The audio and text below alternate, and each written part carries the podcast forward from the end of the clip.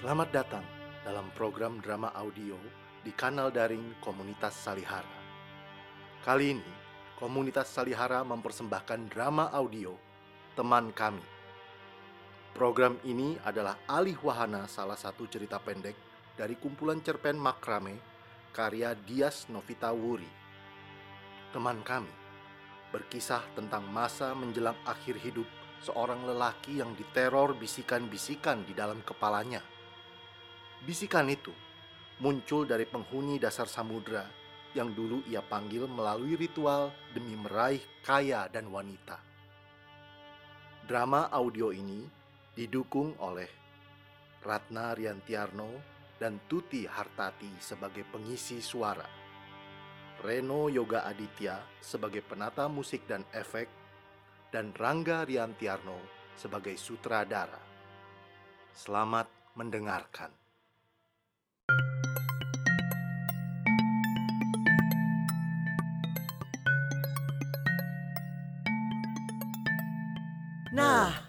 Lihatlah teman. Kami sudah memenuhi permintaan-permintaanmu. Kami datang saat kau panggil. Dan kami sudah membantu membuatmu kaya tanpa kau harus bekerja apa-apa seumur hidupmu. Kau sudah punya sebuah mobil yang nilainya hampir 200 juta mata uangmu. Kau berhasil menikahi perempuan cantik itu. Tadinya ia benci padamu. Tentu saja. Dan selalu mengerutkan alisnya tiap kali kau muncul di depan pagar rumahnya. Tapi kami punya cara untuk membujuknya, mengisiki hatinya dengan tipu daya. Dan kini kau punya dua rumah besar dan terletak di lokasi yang bagus. Meskipun tidak megah. Kau berkecukupan tanpa harus berusaha. Karena perempuanmu yang bekerja seumur hidupnya hingga kalian punya semua itu. Ia cantik, serba bisa, dan pintar. Ia yang bekerja membanting tulang di sebuah bank asing selama 25 tahun. Sementara tugasmu hanya menjemputnya setiap sore di kantornya. Itu pun kau selalu mengeluh. Kau marah-marah, memukulkan kepalan tanganmu ke klakson mobil, memaki-maki pengendara lain saat jalanan macet. Jadi sekarang, biarkan kami berbuat semau kami padamu.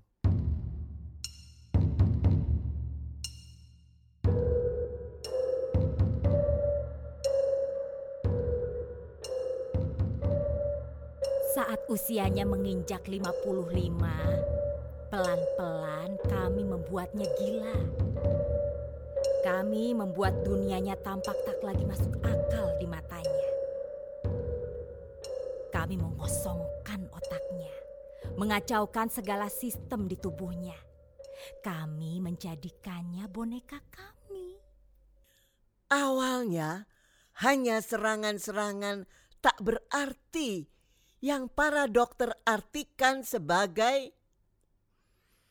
stroke ringan. Ia kehilangan kendali akan otot-otot di kaki dan tangannya, menjatuhkan gelas saat sedang memegangnya, lupa arah dan menerobos lampu-lampu merah saat mengemudi. Pelan-pelan kami membuat semua itu memburuk. Ia mulai berteriak-teriak karena hal-hal sepele. Kemudian ia juga kehilangan kemampuannya bicara. Ia tidak lagi dapat memahami dan dipahami. Ini rahasia.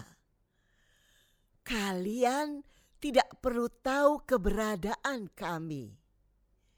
Namun, jika kalian cukup mampu, kalian akan bisa melihat kami di sana mengelilinginya. Kami duduk ketika ia duduk, berdiri ketika ia berdiri, berbaring ketika ia mengistirahatkan tubuhnya yang kian lama kian kami buat renta. Tubuh yang dagingnya menyusut dari hari ke hari seberapapun banyaknya ia makan.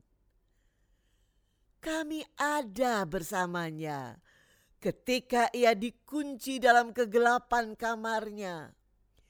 Di atas kasur kapuk yang telah mengeras dengan spray yang bercak-bercak air seni dan liur. Hanya ditemani sebuah televisi kecil yang menayangkan saluran belanja dari rumah yang tak ada habis-habisnya. 24 jam sehari. Kami menyenangi rumahnya. Tempat itu dipadati berbagai patung kayu dan lukisan. Kesukaan kami adalah sesosok dewi berkepala dan sayap burung Raja Wali tapi bertubuh manusia. Kadang kami akan berkerumun saja di sekitar Dewi Burung itu untuk mengagumi sepasang payudara bulat montok pada dada telanjangnya. Itu dan lukisan gadis sedang memandangi lilin, dinaungi bayangannya sendiri. Oh, bagaimana kami bisa tidak senang? Ada alat-alat musik juga. Segala yang berdenting dan bergemerincing. Oh, tempat itu bagaikan surga bagi kami. Kalau kalian bisa melihat kami, temukan kami di sudut tergelap dari sebuah ruang yang gelap. Setiap pagi, sebelum semua orang bangun, kami akan menyuruhnya buang air besar. Ia selalu menurut, sama sekali tidak pernah melawan. Kami memilihkan tempat terbaik untuk melakukannya. Dapur, kami berkata. Tahukah kamu, di dapurmu itu kita bisa menemui seorang teman. Ia kadang-kadang ada di sana.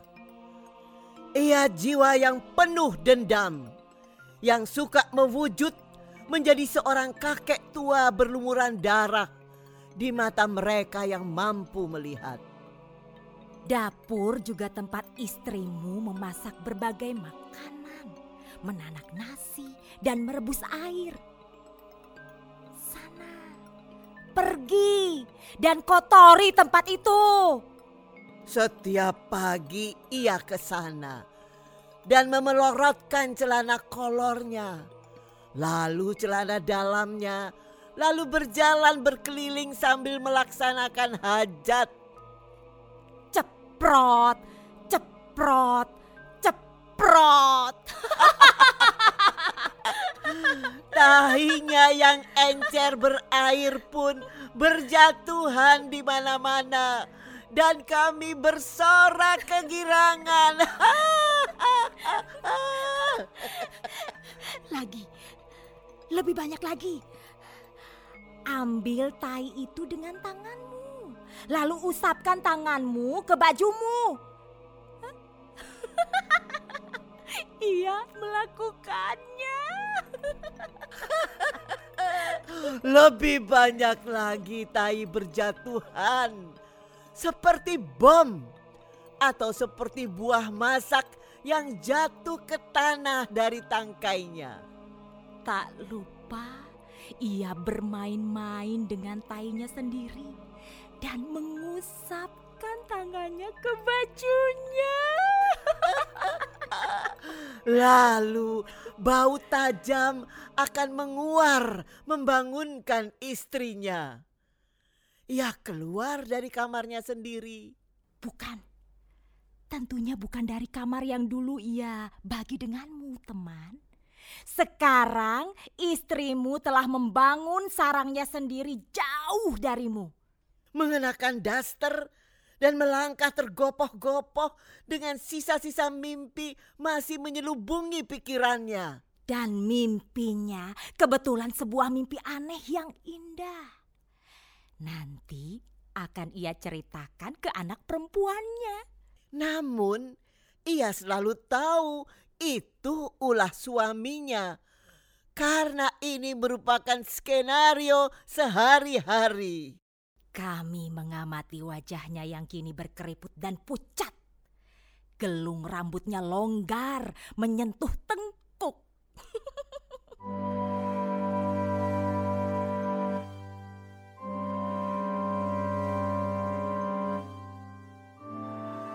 Tiga puluh tahun yang lalu, ia merupakan kembang desa di kampung halamannya di Pati.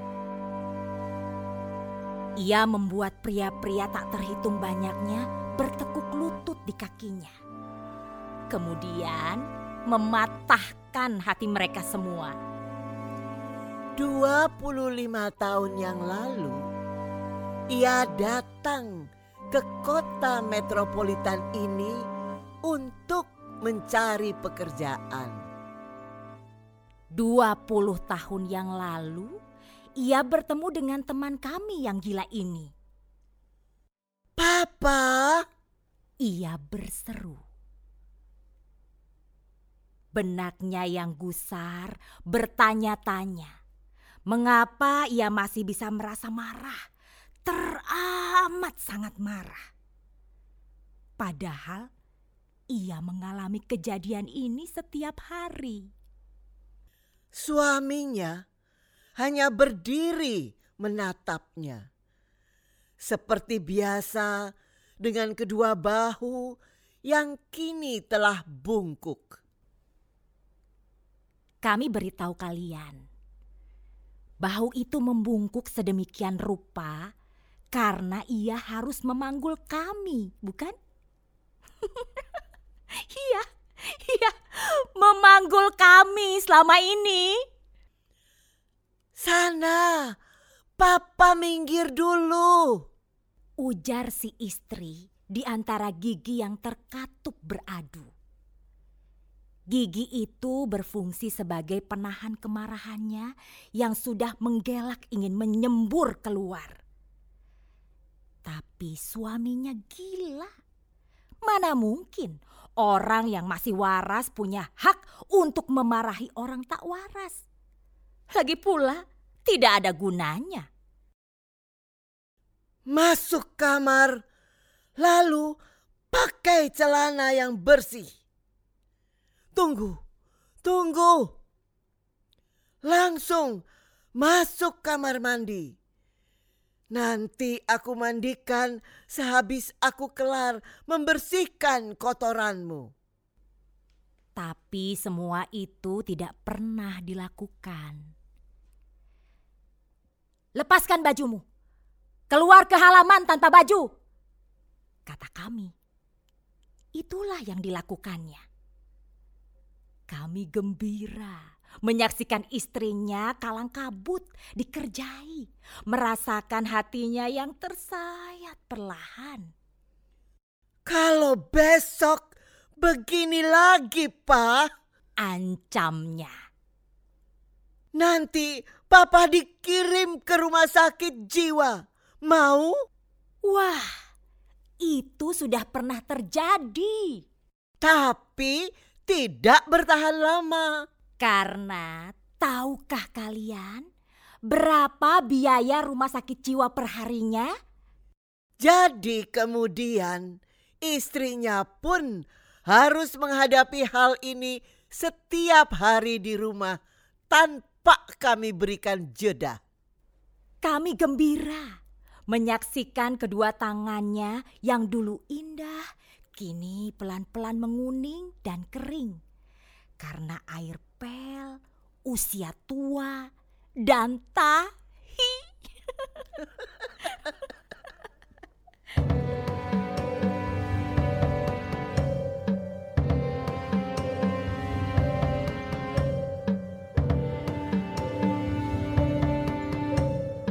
Setiap siang kami menurunkan sedikit tenaga teman kami itu. Tiap kali ia diberi makan, kami akan melipat gandakan rasa laparnya. Kami ikut makan, jadi ia tidak pernah merasa kenyang. Kami membuatnya berkeliling mencari wadah-wadah makanan yang disembunyikan. Lalu ia akan mengobok-obok makanan dalam wadah-wadah itu dengan jari gilanya yang kotor. Kesukaan kami adalah kembang sepatu mentah. Istrinya punya persediaan kembang sepatu untuk dimasak jadi kimlo. Juga gula pasir dan sisa-sisa kopi bekas menyuguhi tamu. Dan terutama makanan dalam wadah-wadah yang disembunyikan. Setelah setengah tahun, Pelan-pelan kami membuatnya semakin sakit. Kali ini para dokter bisa dengan percaya diri memberikan diagnosis yang bukan lagi hasil meraba-raba seperti stroke ringan. Senjata pamungkas mereka yang dulu itu kali ini pecah pembuluh darah otak level kolesterol mendekati titik bahaya. Dan ia pun dilarikan ke unit gawat darurat rumah sakit Anyar milik sebuah universitas.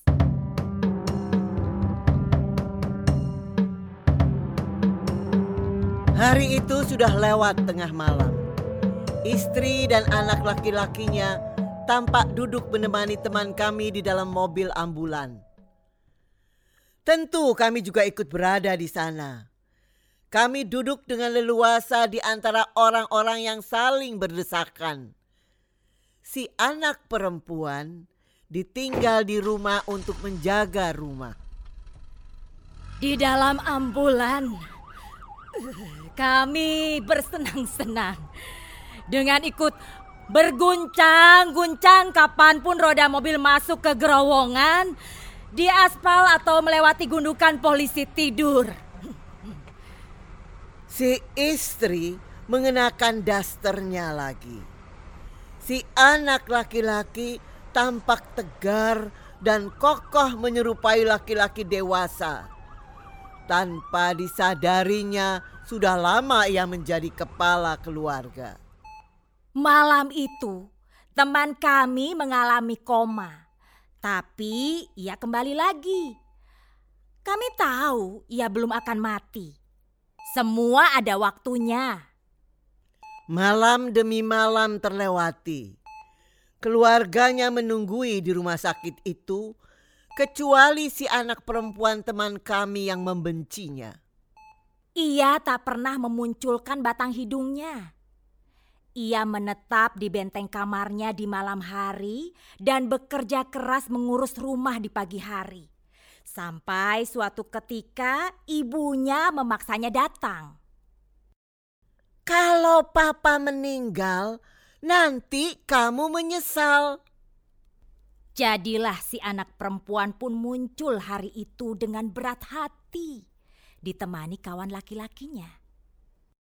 Mama pulang ya, ganti kamu jaga papa di sini. Kata ibunya. Dan si anak perempuan tak berkomentar apa-apa.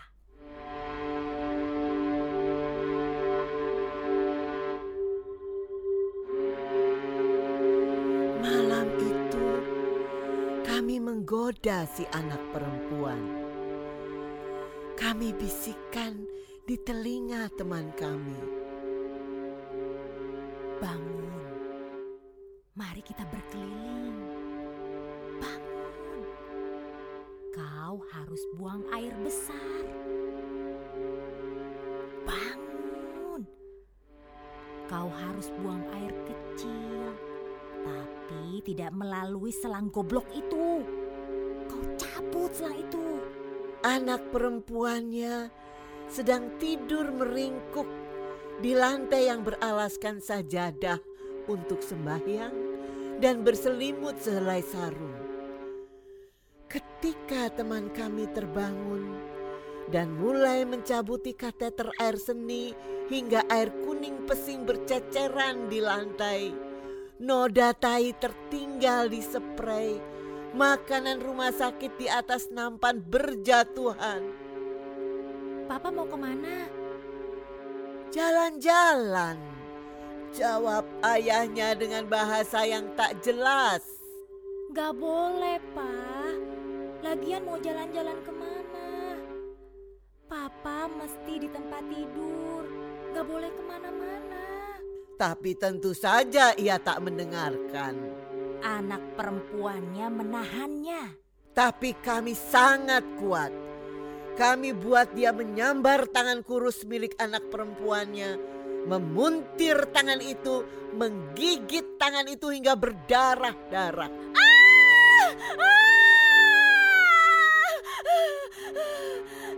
Si anak perempuan menjerit-jerit.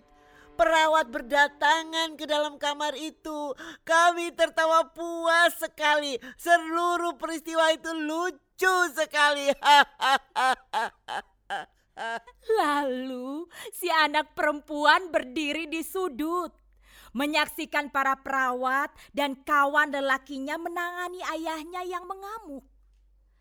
Menangis sedikit, tapi segera meraih kain serbet yang dibawa dari rumah dan mulai membersihkan kencing yang tercecer di lantai. Kami ulangi kesenangan itu beberapa kali dalam minggu itu. Kami buat anak perempuannya hancur hingga kebencian di hatinya berakar semakin kokoh, tidak tergoyahkan.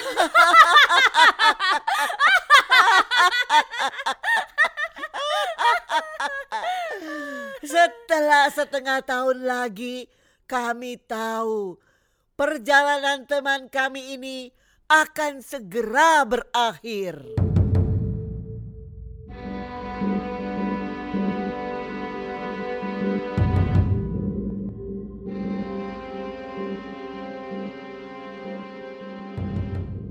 Hari itu berlangsung sebagaimana biasanya baginya. Karena setiap hari selalu berlangsung sebagaimana biasanya baginya.